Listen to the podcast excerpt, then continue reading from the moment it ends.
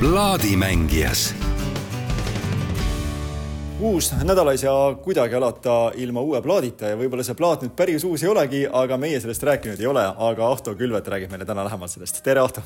tere ja tore, et saite tulla ja tõesti, noh, see on plaat, millest ma ka ise tahtsin rääkida, sest ma olen tükk aega tagasi otsinud seda plaati. see on Tallinna Džässifestival kuuskümmend seitse, ühe väga kauni originaalümbrusega plaat, et just seda originaalümbrust on raske leida see džässifestival oli ka, ta oli nagu nii mitte ainult Eesti, vaid ka toonase Nõukogude Liidu mõistes sellise hästi märgilise tähendusega. et äh, see jäi küll viimaseks rahvusvaheliseks džässifestivaliks, aga noh, et see, mis seal toimus, et sellest nagu siiamaani räägitakse legende tegelikult. ja sellest on, vähe sellest, sellest on isegi raamat kirjutatud, sellest džässifestivalist, ingliskeelne raamat, mis Routledge'i kirjanduses anti välja, mis on väga kõva kirjastus tegelikult, et Heli Reimann on kirjutanud Tallinn kuuskümmend seitse džässifestival, müüdid ja mälestused paar aastat tagasi ilmus. vähe sündmuseid on, millest saab raamatu kirjutada, eks ju aga muusikalises mõttes ja, et siin on, äh, see tegelikult on hästi põnev, et sellest festivalist ilmus kokku lausa kolm vinüülplaati. kui nüüd mõelda kuuekümne seitsmenda aasta peale, siis see ei olnud üldse tavaline. esiteks see, et juba salvestati võib-olla nii hästi, onju, ja teiseks need plaadid välja anti. ja kaks ilmus siis Nõukogude Liidus, üks on minu käes ja mängib siin ja taustaks peaks olema lugu, mille nimi on Tallinn mais. Mustafa Zadeh on üks äh, Aserbaidžaani virtuoos, sihuke klaveri džässvirtuoos, siis tema kirjutatud lugu just selle festivali jaoks, sest see festival toimuski maikuus, et algas üheteistkümnendal mail äh, tuhat üheksasada kuuskümmend seitse ja see kõik see, mida me kuuleme taustaks, see on libesalvestus äh, Tallinnas Kalevi spordihallist. Ja see spordihall oli kõikidel festivalipäevadel nagu ääreni täis, see oli nagu nii troppis, kui sai olla ja kui sa nüüd lugusid kuulata, siis lugude vahepeal on seda plaksutamist ja publiku kaasaelamist vahepeal ja siis on küll niisugune tunne, et nagu ma tahaks seal olla. Või järsku mõni mu sugulane, kes seal käis, et see kõlab nagu tohutult põnevalt.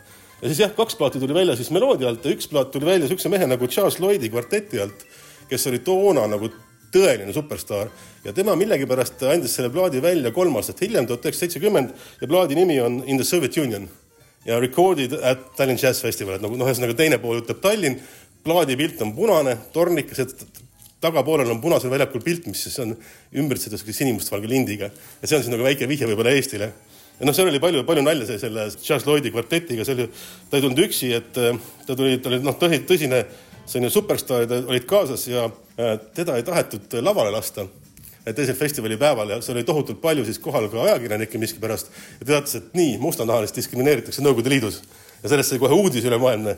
mõnusalt venitati seda asja. Ja no siis lõpuks oligi siis see, et, et äh, džässfestival sellisena jäi viimaseks, see rahvusvaheline legend räägib, et ta keelati ära sellepärast, et siis tänu nendele Ameerika külalistele muutus liiga selliseks nagu ohtlikuks aga siis see inimene, see Heli, kes, Heli Reimann, kes selle raamatu kirjutas, väidab, et tema pole nagu selliseid ärakeelamise pabereid näinud, et võib-olla ta suri hoopis mingis teistsugusesse loomuliku surmuse festival. See festival toimus Tallinnas, kui palju siin plaadi peal on Eesti artiste, Eesti muusikuid?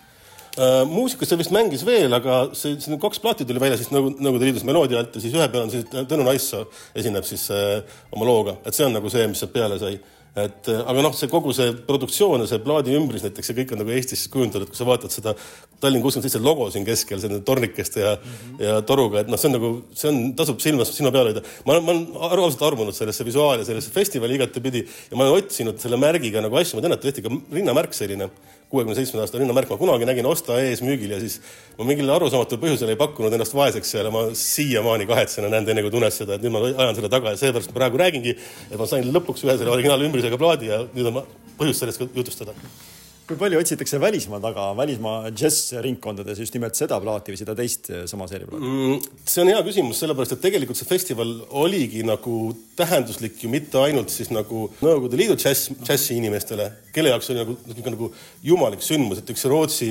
artist rääkis, kuidas ta, kes osales seal festivalil, kes käis üheksakümnendatel esinemas Venemaal uuesti ja kui siis kohalikud kuulsid, et ta on seal festivalil käinud, siis ta muutus täiesti uueks nagu selliseks tasemel, et küsiti, kuidas siis oli ja kustpoolt sisse sai ja no ühesõnaga, et see on nagu tõsiselt nagu, nagu oluline sündmus.